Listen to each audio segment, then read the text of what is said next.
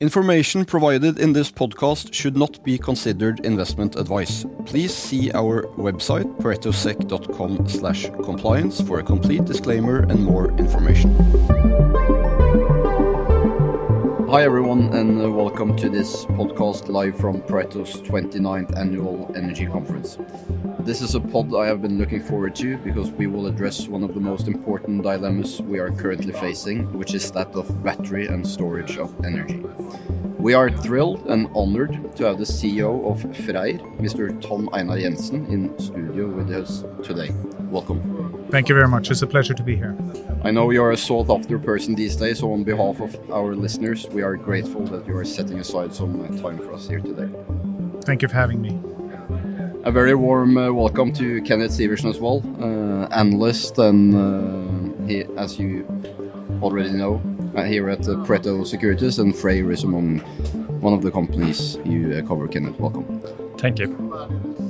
I think most of the audience know Freyr but now, but for those that don't, it is a US listed company with a market cap of around $1.5 billion, and their mission is producing emerging clean battery solutions for a better planet. I think it's very difficult to kick off this conversation, Tom Einar, without mentioning the Inflationary Reduction Act and how important that will be for the renewable space and battery and storage of energy in general. Can you please explain to our listeners why Freyr has an important task in the energy transition? Oh well, uh, open-minded so, question. Yeah, so, so thank you for for having me, and and uh, we're delighted to be here, of course, and uh, uh good friends of Pareto since long, uh, and also very pleased uh, to see that the coverage from Pareto on Freyr is probably one of the more accurate, even though quite pessimistic on the outlook from our perspective. so so thank you for that. But but joking aside. Uh, the energy transition, which is urgently required if uh, Homo sapiens is going to meet climate change objectives, can broadly speaking be defined or divided into two camps. And it's probably more, but but let's sort of for the context of a battery producer, we, we, we broadly define it into two camps. One is the decarbonization of transportation, which most people think about electric vehicles and batteries going into them. That's kind of where most people think about lithium ion batteries.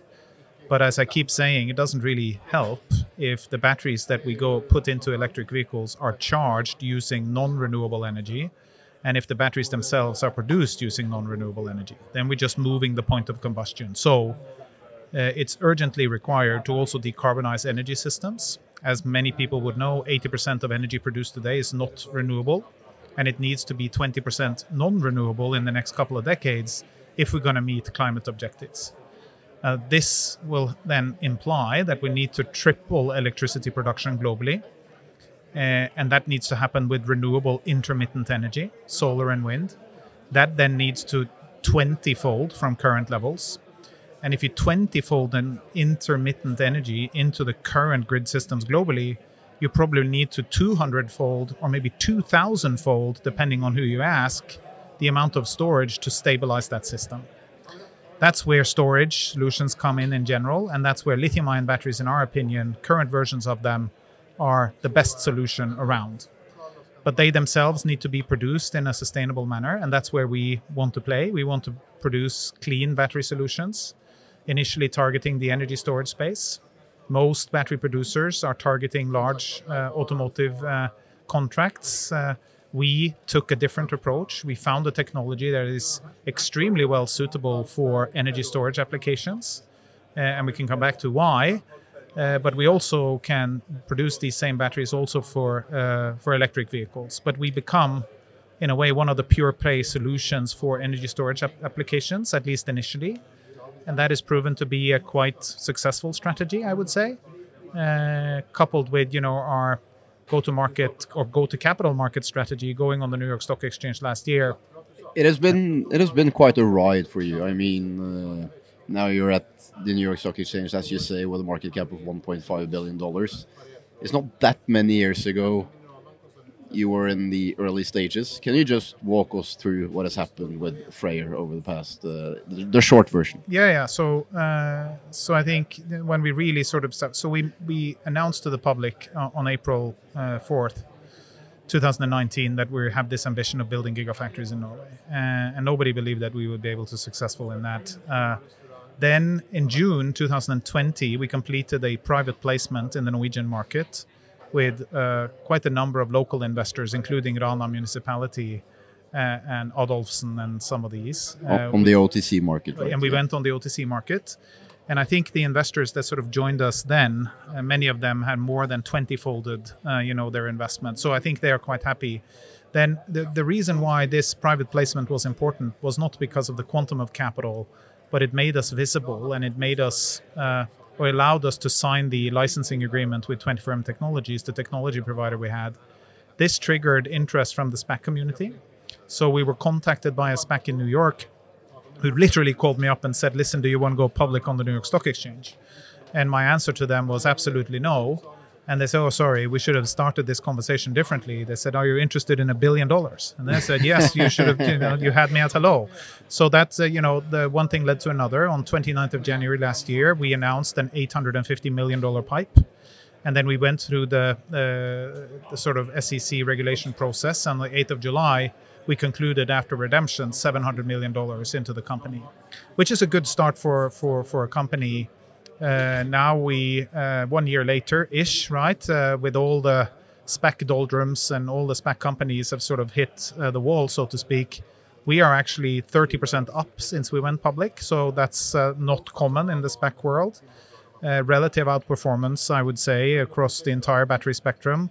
And there aren't that many pure play battery companies around that you get public exposure to. So, so we're happy with that. But I think that the fundamental thing that we really started out early on saying was we say what we're going to do and then we explain when we've done it. And so far, that has proven to be an appropriate strategy. But it's not trivial to build a battery company. It's not trivial to build batteries and produce them.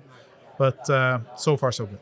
You touched uh, briefly upon it, but uh, obviously it's been a roller coaster ride, uh, Kenneth, for many of the companies uh, that uh, was publicly listed from the post-COVID course, to put it that way. But as you said, Tom Einar Freyr has fared very well.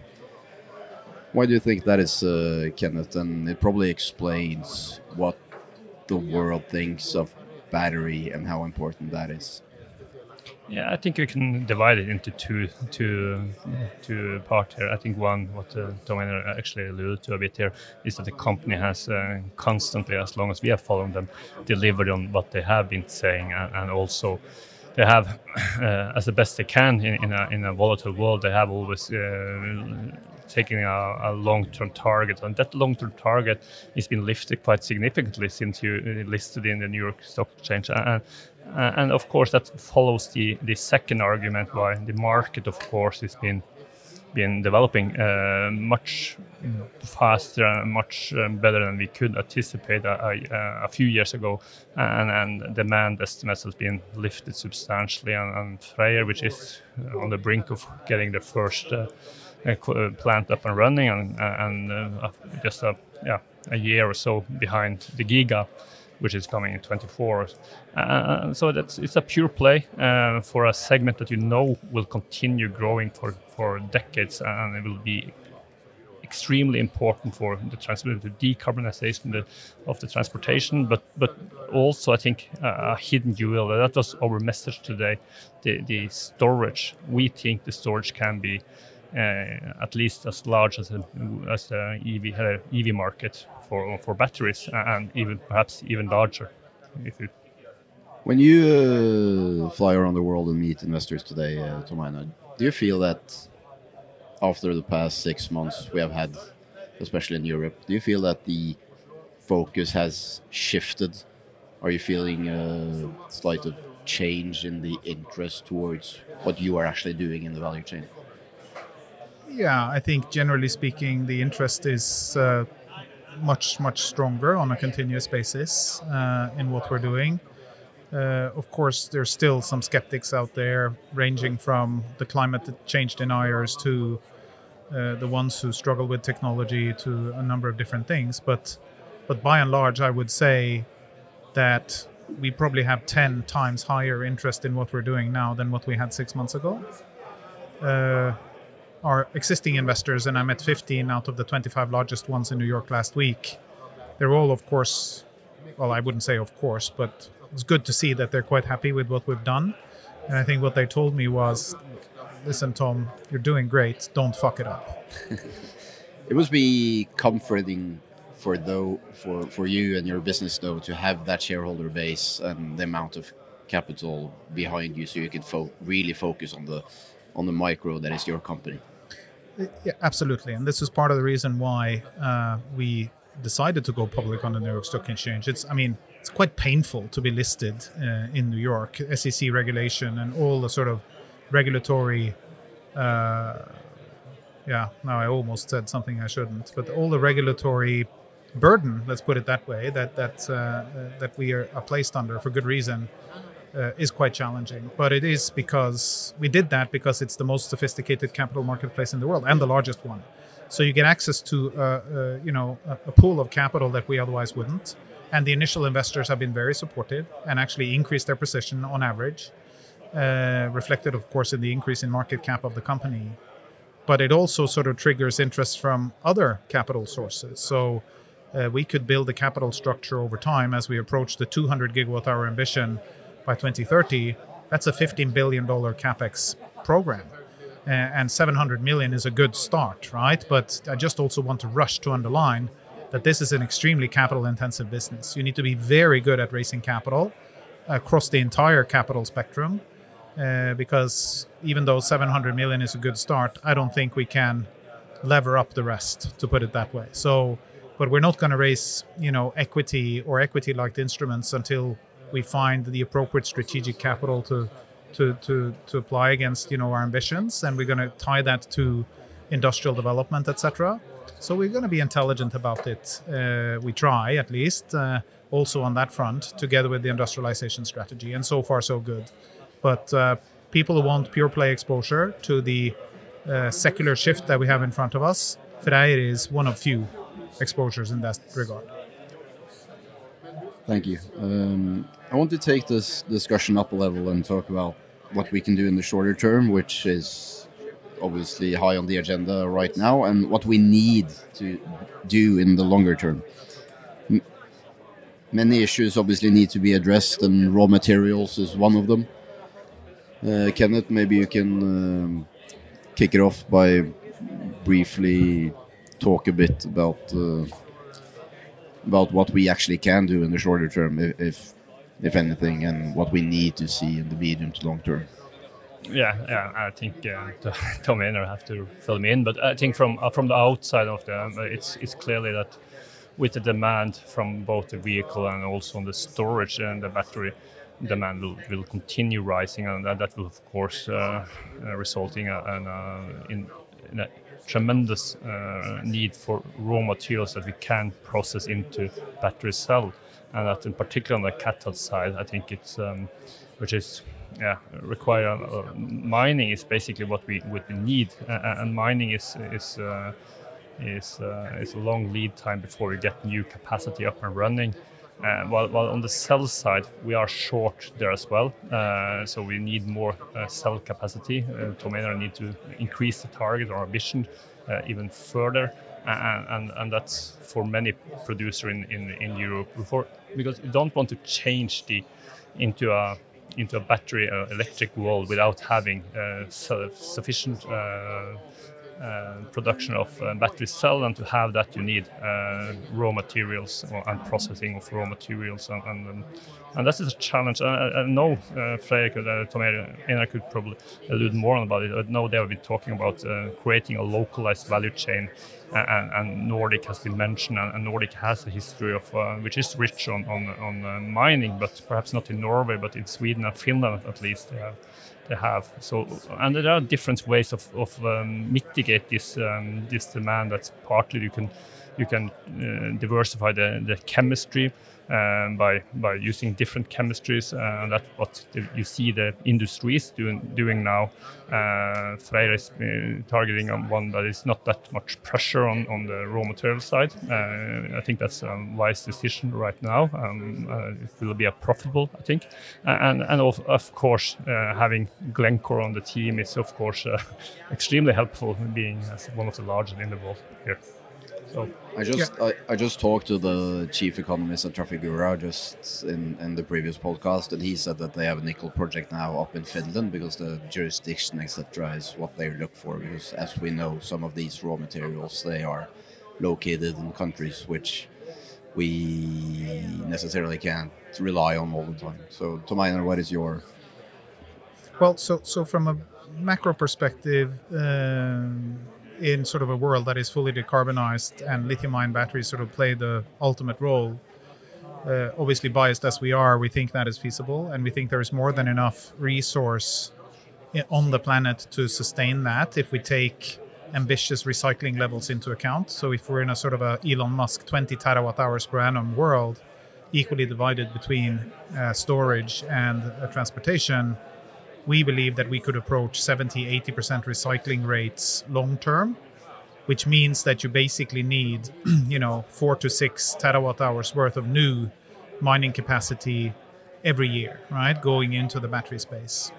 Of course there will be temporary bottlenecks which we're seeing now uh, and then there will be temporary periods of oversupply over the next 50 years or so if you sort of think about it long term uh, if we then narrow down to the, the here and now I think you know there is massive evolution and development happening. Uh, the sort of main uh, EV battery, uh, you know, five years ago was the uh, nickel manganese cobalt oxide NMC 111 battery, one part nickel, one part manganese, one part cobalt. But because cobalt is in scarce supply and comes from challenging regions, and manganese and cobalt are expensive, we're now seeing NMC 811 as the sort of leading and a high energy density sort of battery going into the automotive space. That means eight parts nickel and one part cobalt and one part manganese. So dramatically strong reduction in the need for cobalt and manganese. Then you're seeing the introduction of new cathode materials like lithium iron phosphate, LFP, which is also available and, and, and viable for lower end uh, EV applications. And this will just continue. Humanity have just started to scrape the surface of how to optimize these supply chains. And when we hit a bottleneck, we debottleneck it. I mean, that's kind of the nature of industrial development. And this is something that Norway knows how to do. Specifically for us, if I go even more micro, we've secured all the raw materials for uh, both our customer qualification plant and Giga Arctic, and we're now looking into ways to optimize them. Part of that strategy is to have localized production uh, and processing of minerals those minerals might come from South America or they might come from Australia. But we're also looking into how we can source minerals and metals from the Nordic region. And of course, synthetic graphite and natural graphite we can get in abundance in Norway through Vianode and you know natural graphite in Senja and so on. Uh, and in northern Finland, you have lithium, you have cobalt, you have nickel, as you pointed out. So you will see a massive development both up upstream into mining and refining. But I agree with Kenneth that we need to speed up uh, the permits uh, for mining projects. There's a lot of new mining projects that need to be established if we're going to fully electrify. But before that, we can process a lot of it using Nordic and Norwegian industrial processing capabilities and competence and the renewable energy that we produce here. And energy is probably the largest cost component in processing of these minerals and metals. So it makes fundamental industrial sense to, to have this here. So our relationship with Finnish Minerals Group, for instance, which is the government in Finland's entity owning their metals and mines positions in Finland, is one such step, right? And then we have 50 such steps, right, to ensure that we can get to as low of a cost position and as low of a carbon position in the batteries that we produce as possible. Do you feel that on a local level there has been a change on that topic that we can actually take part in the whole value chain locally? I think so. I think you know the Norwegian government through uh, the Minister of Industry, Trade and Industry, Jan Christian Vestre, launched actually in Mo i Rana at the site of the Gigafactory when we announced that we were building it. They launched the National Battery Strategy, which is a comprehensive strategy across the entire value chain. Uh, and we've obviously been privy to the development of that strategy and provided our input into it. So, not surprisingly, that strategy spans the whole value chain. It makes, of course, a lot of sense for Norway to be across the value chain. We are a nation who have been producing and exporting energy for a century in different shapes and forms. Of course, electrons, but also fertilizer and aluminium, and lately oil and gas.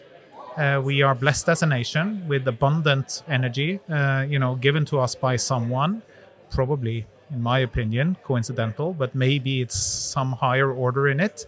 Uh, and then we have optimists like yourself as well, which make it happen.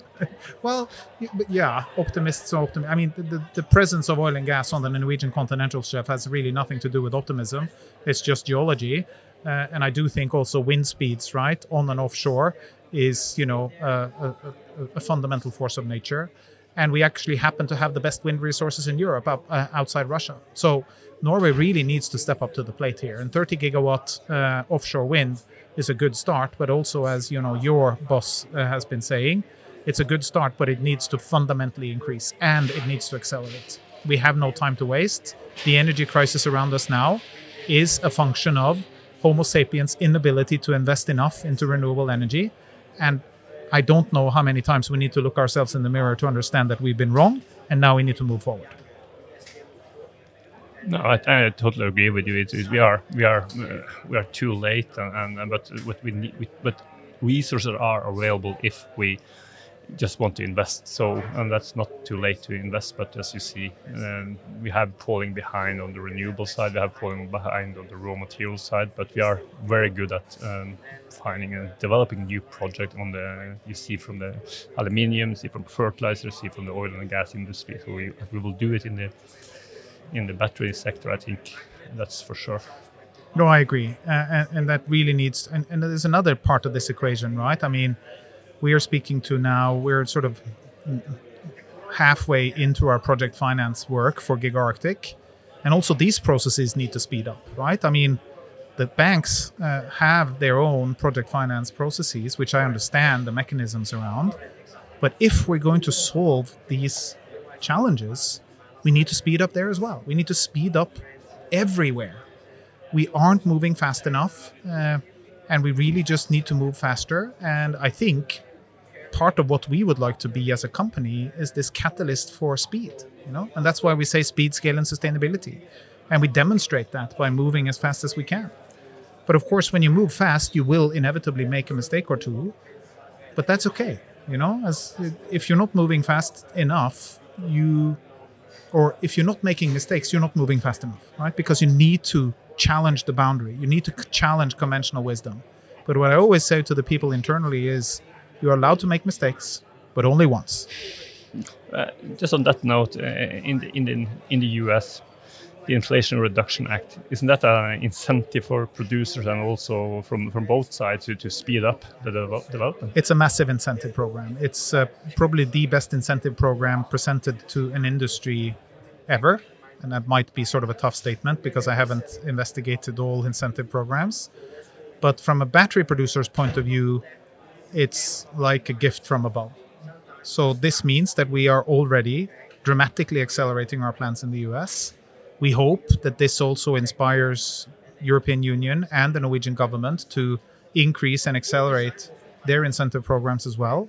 If they don't, there will be, you know, a much more larger influx of capital and uh, industrial development in the US at the cost of Europe uh, and potentially Norway.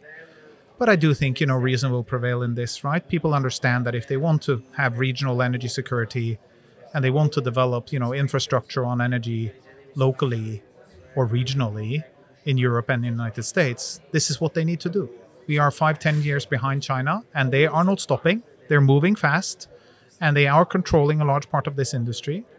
And that could be quite detrimental. We know what happens when a nation that has other interests than you know ours decide to use energy as a weapon. I'm not saying the Chinese will do that. I'm not at all saying that, and we actually have many good relationships with the Chinese. But from a macro perspective and an energy security perspective, politicians need to realize what they're up against in a world where we need to 20 fold renewable energy development and 200 fold storage development, we need to speed up, and that just requires incentives. If not, it's going to be slow. Capital markets are slow, they are risk averse, and we need to change that paradigm, and governments have a role to play. No, I totally agree with you. It's um, you see in the in, in the US they will fast track the investment in the in the battery uh, manufacturing process. You also incentivize consumer to to make the transition, and that will just kickstart the, industry or, or uh, electrification of the we of the vehicle transport uh, over the next three to four years. And that's uh, amazing what they are doing. Yeah, and I mean, as you said to us earlier today, Kenneth, I mean, the combustion engine is now at par with electric vehicles, um, and uh, the combustion engine is not going to improve. It's, I mean, it's 100 years in the making. It's fundamentally very hard to improve it. It's almost impossible to reduce the CO2 footprint from it. Then you need to decarbonize the feedstock. But electric vehicles have just started. They will just keep getting better and better. I mean, it's 10 times less parts, moving parts. It's just so much better uh, uh, of, a, of a product and they've only started. I mean, everyone wants an electric vehicle these days, but you know, range anxiety and all of that, it's it's all going to go away. I mean, we all thought it was difficult to charge our cell phones, and now nobody thinks of it. It's going to be the same with electric vehicles. So, and and and with, I mean, why don't? Of course, we want clean energy. We want clean air. We want things to be better, and it's going to be cheaper. Uh, solar and wind, coupled with storage, is already competitive with fossil-based alternatives uh, in many parts of the world. On average, maybe not yet, but this is going to happen. And I think you know the cost curves that I've seen, they are too pessimistic it's going to go a lot faster because when you scale and when you scale again and you scale again, you will get compounding effects into these supply chains. And at least, you know, the, the system level costs that come around the batteries will already come down quite a lot and will continue to drop quite significantly moving forward. But all the installation costs, all the dead weight that we have in the current battery systems, because they're based on batteries that aren't designed for the purpose they're being used now we're building batteries which are designed for electric vehicles. They are designed for energy storage. They become bigger, they become thicker, and therefore will have less dead weight around them. And that just means that it's easier to do plug and play with modularized solutions that can just copy paste, copy paste, copy paste fast everywhere. This is going to go tremendously fast and much faster than most people think, at least those who are awake. I think uh, I know you have a busy day, uh, Tom Einar, and uh, I know you have a meeting coming up. So I think we will round it off there. Once again, on behalf of Pareto, thank you very much for uh, coming to this conference, and thank you very much for dropping by this uh, podcast. And um, thank you very much to you, Kenneth, for joining in. Well, thank you very much for having me. Uh, anyone who listens, if they want to sort of take up a debate or if they want to team up with Freyr in any way, shape, or form, please feel free to contact us. That was all from this part. Thank you very much. The information provided in this podcast should not be considered professional advice and is not intended to constitute investment advice. Investing and trading in all types of securities involve considerable risk at all times, and past performance is not necessarily a guarantee of future performance. Pareto Securities does not accept any form of liability, neither legally nor financially, for any direct or indirect loss or expenses that may arise from the use of information provided in this podcast. Please see our website paretosec.com/compliance for more information and full disclaimer.